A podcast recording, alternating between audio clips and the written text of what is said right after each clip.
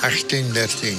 Dat zou ik niet weten. Oh shit, 1813. Dat weet ik niet. Hè. Dat weet ik niet, geen idee. Oeh, dat weet ik niet. Geen flauw idee. Zelfmoordlijn? Ah, echt? Ik ben Stefan Lee, spoedverpleegkundige bij ZNA Jan Paul Fijn. Sinds 1998 ontmoet ik elke dag tientallen mensen. Met een mug of op de spoeddienst zelf.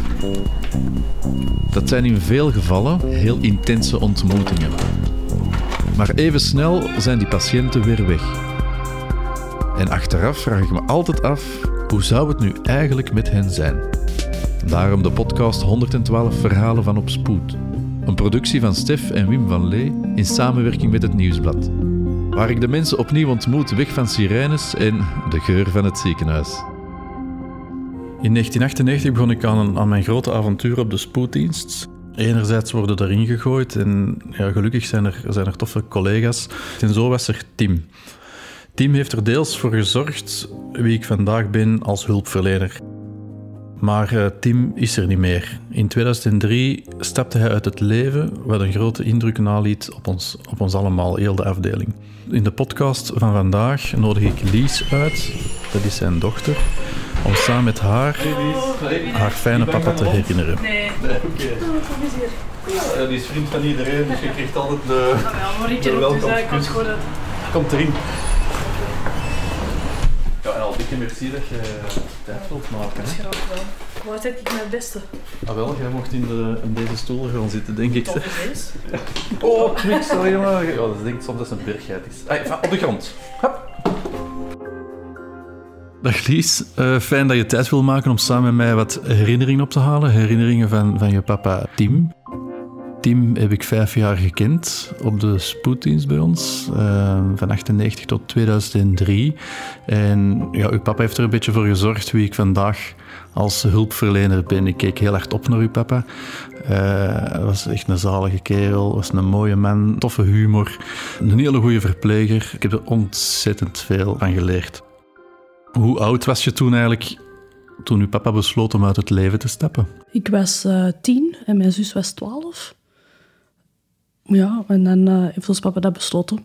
Omdat ik zo jong was, denk ik dat ik niet 100% eh door had wat er juist gebeurd was. Dus voor mij is het besef pas gekomen, echt gekomen als ik 15, 16 was. En voor mijn zus denk ik dat het wel anders was. Zij was iets ouder als mij. En mijn moeder natuurlijk eh, nog anders. Ja, je wordt als, als kind, is wat je zegt, hè, tien jaar is, is jong. Je wordt geconfronteerd met heel veel verdriet rond u als tienjarig meisje. Ja, dat is allemaal een, een, een zeer intense beleving. Ja, wist je wat er eigenlijk allemaal gebeurd was? Eh, niet in die grote lijnen. Dus er werd wel verteld en je zag heel veel verdriet rond je heen. Maar tegen waar ik mee bezig was, was eh, ik wil terug op mijn schoolreisje en ik wil terug voetballen en, en, en sporten en vooral niet te veel bezig zijn met al die andere dingen. En dat deed ik dan ook.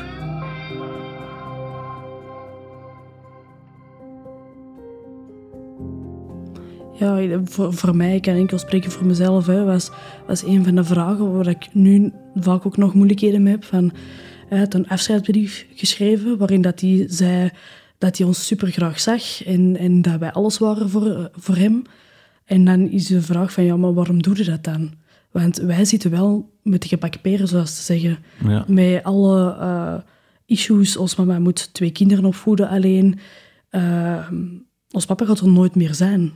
En dat is in elke grote gebeurtenis voelde dat en besefte dat.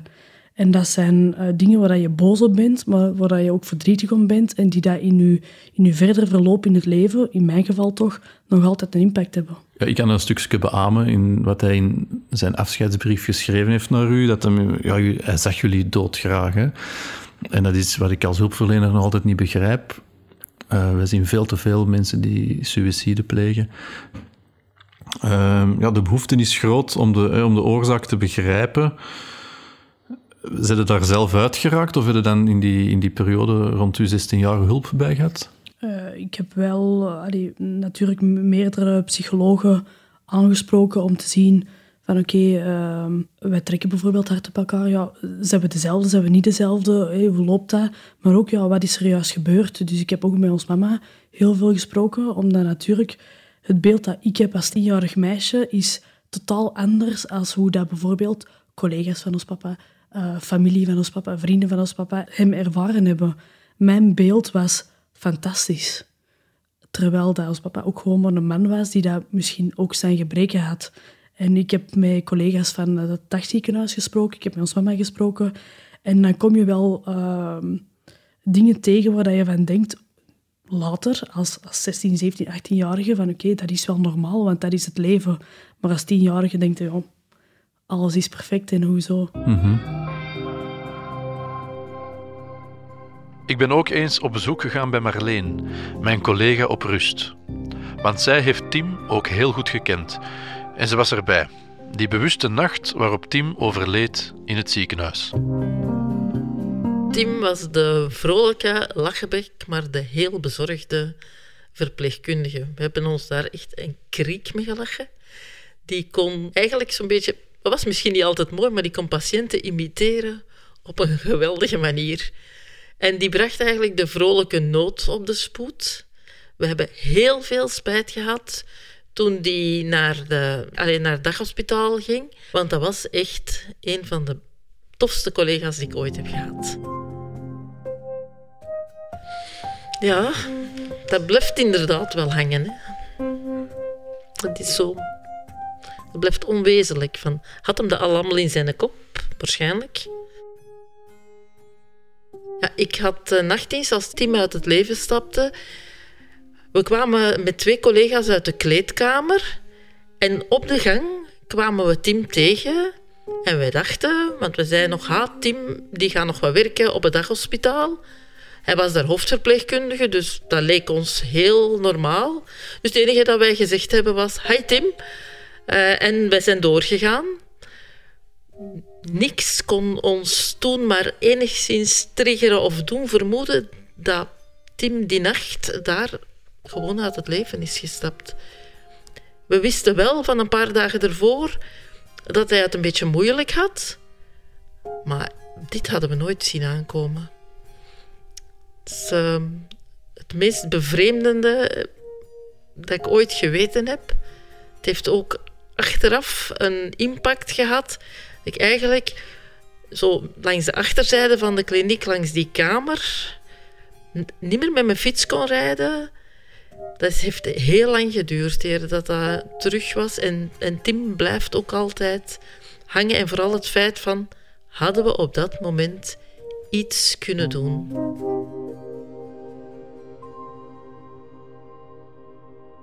Werd je op die jonge leeftijd al voldoende geïnformeerd? Of, of hebben ze u wat beschermd van wat er juist allemaal aan de hand was? Ik denk dat uh, dat, een heel moeilijke situatie is uh, op die moment. Want ik denk dat je de, de factor hebt van je hebt kinderen, je wilt ze beschermen, maar je wilt ook informeren. En ik denk dat dat misschien in het traject van, van mijn 10 tot, tot mijn 15, 16, wanneer ik het echt moeilijk had, misschien onvoldoende gebeurd was. Dat er onvoldoende platformen waren om over te spreken er was vanuit het uh, ziekenhuis, als papa zichzelf uh, had van het leven ontnomen, heeft het ziekenhuis wel het voorstel gedaan om te spreken met mensen. Maar op die moment, als je het niet goed beseft, is het ook moeilijk om er naartoe te gaan met het idee van oké, wat moet ik hier dan eigenlijk gaan doen? En dat was dan uh, kleuren en dat was dan spelen. Maar echt babbelen kwam er eigenlijk niet, niet uit. Ik heb dat pas later teruggevonden, of in die periode kon ik dat echt goed uitleven in sport, in beweging voor mij. Ja, dat is gezegd. Hè. Als, als, je, als tiener eh, was het moeilijker. Wat was de invloed van het overlijden van Tim, van uw papa, tijdens uw tienerjaren? Ja, enorm. Ik heb er enorm uh, moeilijk mee gehad. Voornamelijk, in de, zoals ik zei, uh, 14, 15, gaan naar 16. Ik had dan ook wel struggles met mijn seksualiteit. Van, val ik op vrouwen, val ik op mannen? En je hebt maar één persoon om naartoe te gaan. Dus mijn moeder was de enige waar je bij terecht kon. Je hebt geen second opinion, je hebt geen tweede mening. Je hebt niet de persoon, als papa was en ik, wij kwamen heel goed overeen. En die vriend en die persoon valt weg voor u. En dat, dat gemis is enorm om die andere mening te hebben en die andere visie te hebben en die andere persoon in je leven te hebben. Uh, ik, ik spreek er regelmatig over, maar ik denk zolang dat je niet het pad bewandelt dat ons papa heeft bewandeld, dat je nooit echt gaat begrijpen wat er in dat hoofd heeft gespeeld. En een aantal vragen die dat wij ons stellen, die gaan er altijd blijven. En die gaan altijd onopgelost blijven. Ja.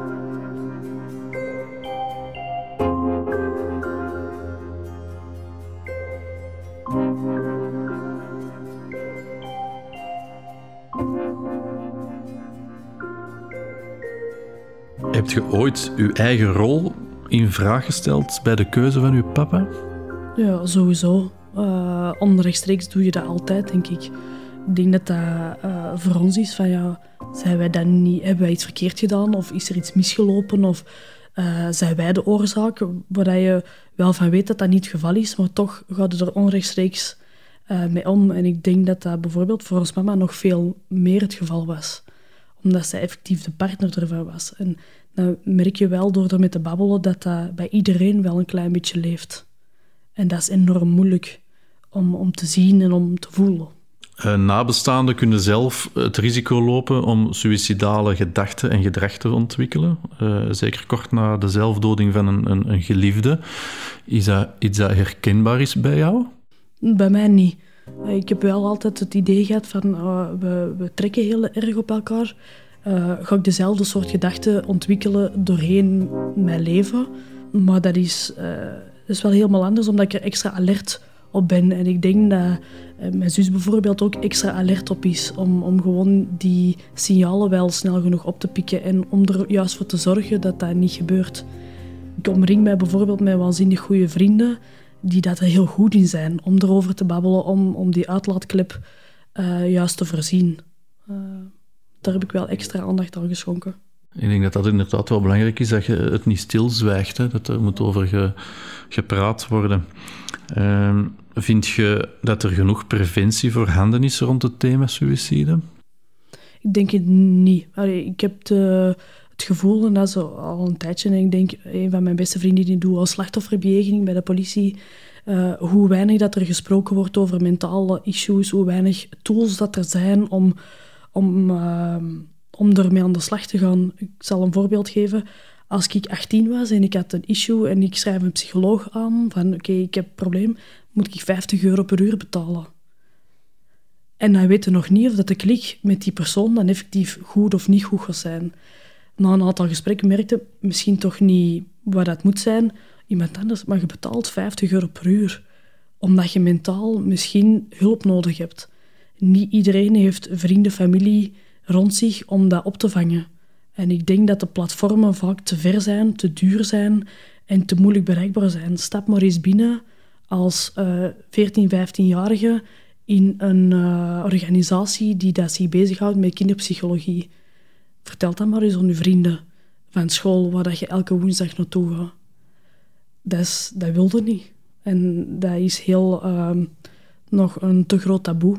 Een taboe en het, het stigma dat er rondhangt van het gaat, het gaat niet goed met mij. Dan misschien is dat iets dat we moeten leren. Hè? We moeten misschien eens leren gewoon te kunnen zeggen van nee, het gaat niet goed vandaag. Nou, ik denk dat de maatschappelijke druk enorm is. Ik ben ondertussen 30, maar je moet en fulltime werken en kinderen hebben en gelukkig zijn elke dag vooral en dit doen en dat doen. En als je slecht gezien bent, wordt er direct iets van gezegd. Terwijl dat je soms gewoon kunt hebben van ik heb gewoon een. Het is gewoon niet altijd uh, waar het moet zijn. En social media speelt er niet altijd zo'n zo goede rol in om uh, altijd gelukkig te moeten zijn. Lies, wat, moeten we doen om die cijfers naar beneden te halen volgens jou? Ik denk eerst en vooral de bewustwording vergroten. Als je ziet hoeveel dat er wordt gedaan rond uh, drinken achter het stuur uh, of onder invloed achter het stuur zitten. Nu, sinds enkel twee, drie jaar, wordt er meer over psychologische uh, geschulden gesproken, maar daarvoor was er niks. Dus ik denk dat we dat meer in de media moeten brengen. Ik denk dat we er echt de laatste jaren goed mee bezig zijn. En ik denk de drempel verkleinen voor mensen die daar echt met issues zitten zoals psychologische of psychiatrische items, om die goedkoper te maken of om die terugtrekbaar te maken. Uh, net zoals je naar de dokter zou gaan met iets. Ik denk dat een stuk kan helpen. Suïcide is en blijft een zeer delicaat onderwerp. Gelukkig staat de psychologische dienst van ZNA Jan Paul Fijn hiervoor steeds paraat. Elke weet hier meer over. Ja, suïcide zie ik redelijk ruim als een proces van ja, enerzijds intenties, gedachten, ehm, plannen om eigenlijk ja, uit een uitzichtloze situatie te stappen, hun leven te beëindigen. En dat kan heel acuut zijn, maar dat kan ook zijn dat mensen er al heel lang mee bezig zijn. Wat wij vaak in de praktijk zien is, je hebt mensen die soms heel impulsief overgaan tot, tot suïcide door een, een, een, onverwachte gebeurtenis of iets heel acuut dat de mensen hun leven helemaal overhoop gooit. En dat ze op die moment totaal geen uitweg niet meer zien en uit leven stappen. Maar je hebt ook mensen die er soms al maanden mee in hun hoofd zitten. Dat dat begint met gedachten, dan begint dat met concrete plannen, dan begint dat denken van welke middelen gebruik ik, wanneer ga ik het doen, een plaats. Die ook al eens een paar keer een appel misschien hebben gedaan. Een appel is een noodkreet. Ehm, een hulpkreet dat mensen laten horen van kijk, het gaat niet goed met mij. Um, ik weet niet hoe dat ik hiermee om moet gaan. Als dit niet lukt, dan, dan zie ik alleen maar nog ja, uit het leven stappen als oplossing. Echt een hulpkreet eigenlijk. Ja, op die manier kan dat wel een aantal stappen doorlopen. Dat mensen soms geen appel doen, soms wel. Om dan effectief tot suïcide te komen.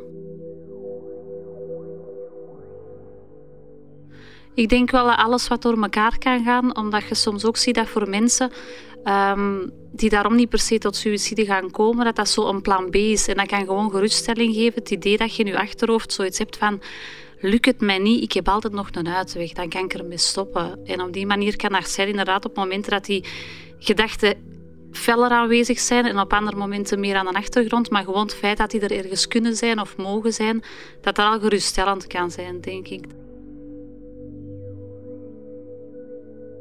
Als je merkt dat mensen het echt heel concreet maken en echt, echt uitschrijven of, of dat middel dient, dat, dat uur, dan weet al wel van oei, die zijn al een paar stappen verder, die zijn echt al zo in de uitvoerende fase.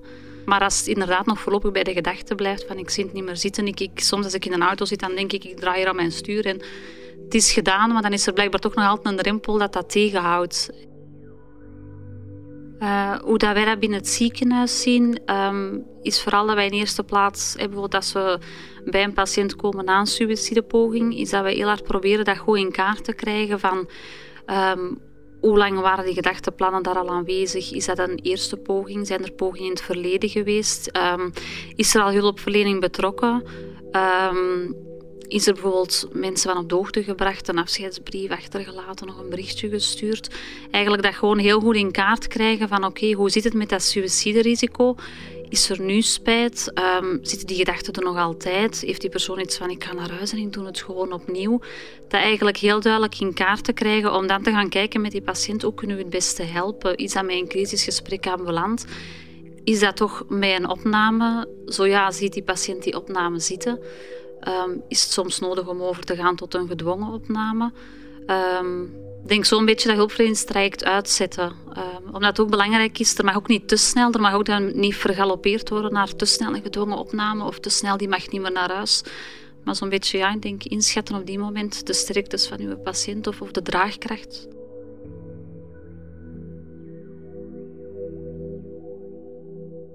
Heel belangrijk is gewoon openheid, communicatie, die dialoog niet uit de weg gaan. Want heel vaak wordt dat zo wat van tafel geveegd of zo. Oei, oei, wat moet ik nu zeggen? We gaan er niet op ingaan. Ik denk dat die mensen zich vaak heel eenzaam voelen. Dat dat wat genegeerd wordt soms. Niet altijd met qua intenties, maar van... Ja, hoe moet ik ermee omgaan? Wat moet ik daarop zeggen? Ik denk openheid, dat dat er mag zijn. Je hebt vaak tieners, nu met internet komen er heel vaak mee in contact, maar dat die al bijvoorbeeld met ouders of vrienden weten van ik mag erover praten. En die gedachten zijn eigenlijk ook menselijk. Ik denk dat heel veel mensen wel eens de gedachte hebben van... mannetjes, het hoeft voor mij niet meer. Maar gewoon het feit dat dat gehoord wordt en dat er over gesproken mag worden... Ja, ik denk dat dat heel belangrijk is. Dat, dat, dat erop ingegaan wordt, dat er iets mee gedaan wordt. Ook al weten niet wat je kunt zeggen op die moment, dat je wel zegt, ik heb het gehoord. Ik weet niet hoe dat ik erop moet reageren, maar ik heb het wel gehoord. En het mag er wel zijn. Ik mag me wel zorgen of kan ik iets doen of...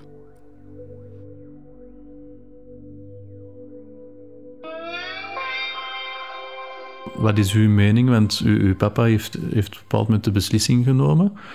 Eh, het feit dat hem, dat hem u een fantastische dochter vond, en uw zus ook trouwens, uh, heeft, heeft hem niet tegengehouden. Denkt je als iemand in zo'n traject zit, zijn die er nog uit te halen? Ik denk dat dat heel moeilijk is. Omdat ik denk eens dat je die, die kaart trekt, dat je ook effectief denkt dat het een optie zal zijn. En hoe meer dat je uh, bepaalde situaties tegenkomt, hoe meer dat die optie uh, als uh, correct wordt gezien, zal ik het maar zeggen. Als je drie deuren hebt en je wordt gezogen naar één deur en elk voorval dat er gebeurt zegt, zie ik heb toch gelijk, die deur is de beste deur om te nemen, dan zie je alleen maar die deur. En ik denk dat het heel moeilijk is om dan die deuren niet te openen. En het probleem is denk ik dat, dat mensen die in zulk traject zitten, dat, ja, die gaan er ook niet over praten niet meer, denk ik. Ik kan me herinneren dat de, de Mark, ik weet niet of je die nog kent, de Mark en de Robert, dat waren eigenlijk zijn, zijn twee beste maten op, op het werk. Die hadden nadien wel het gevoel dat uw papa een twee, drie dagen voordat hij is gestorven, op een of andere manier zijn ja, toch afscheid is komen nemen. Want Mark, ik kan ik me nog herinneren dat Mark uh, nadien ook zei van ja, ik heb, ik heb die avond naar Robert gebeld van er is iets met een team, die deed raar, ik weet niet wat het juist is. Maar dat zijn natuurlijk signalen die je helaas altijd maar achteraf aanvoelt of ziet. Hoe kunnen we, denk je, die signalen toch beter ja, kaderen? Ik denk door meer eh, stil te staan soms. Ik denk dat deze maatschappij heel hard steert op het moet vooruit gaan, het moet vooral uh, vooruit, vooruit. Zowel op het werk, hè. De, de werkdruk is heel hoog, waardoor dat het maakt dat de, de pauzes of de momenten dat je hebt om met mensen effectief te connecteren, effectief te spreken, uh, veel kleiner zijn geworden. En het feit dat als je kijkt nu tijdens de pauzes op het werk, zit iedereen op zijn gsm en zit iedereen in zijn eigen wereld, ja, dan gaat de connectie zeker niet gebeuren. En dan heb je, of dan merk je Iemand anders die dat niet goed in zijn vel zit, merk je niet op, want die zit ook in zijn eigen wereld. En ik ben van mening, als je dat al eens zou wegdoen en je zou gewoon babbelen met iemand, dat je het misschien wel sneller zou merken. Maar het moet altijd snel gaan, het moet altijd vooruit gaan. Het is druk, druk, druk. Iedereen heeft het heel meerdere afspraken op een dag. En dat is, dat is denk ik wel uh, een van de grootste items, denk ik. Maar dat is mijn mening. Andere mensen denken er misschien helemaal anders over. Ja, ik denk dat dat een mooie mening is. Helaas ben je ervaringsdeskundige, noemen ze dat dan. Ja. Hè? Uh, ja, Lies, ik heb uw papa heel graag gezien.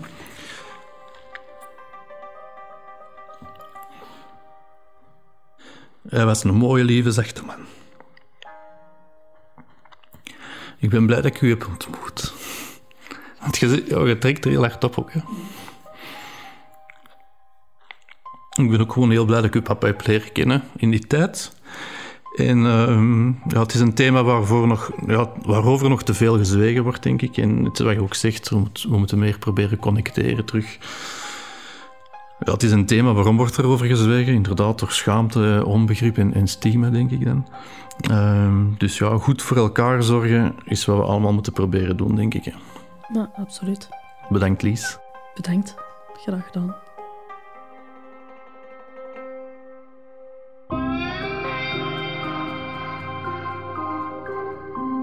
Heb je na het beluisteren van deze aflevering nood aan een gesprek? Dan kan je terecht bij de zelfmoordlijn op het nummer 1813 of via www.zelfmoord1813.be.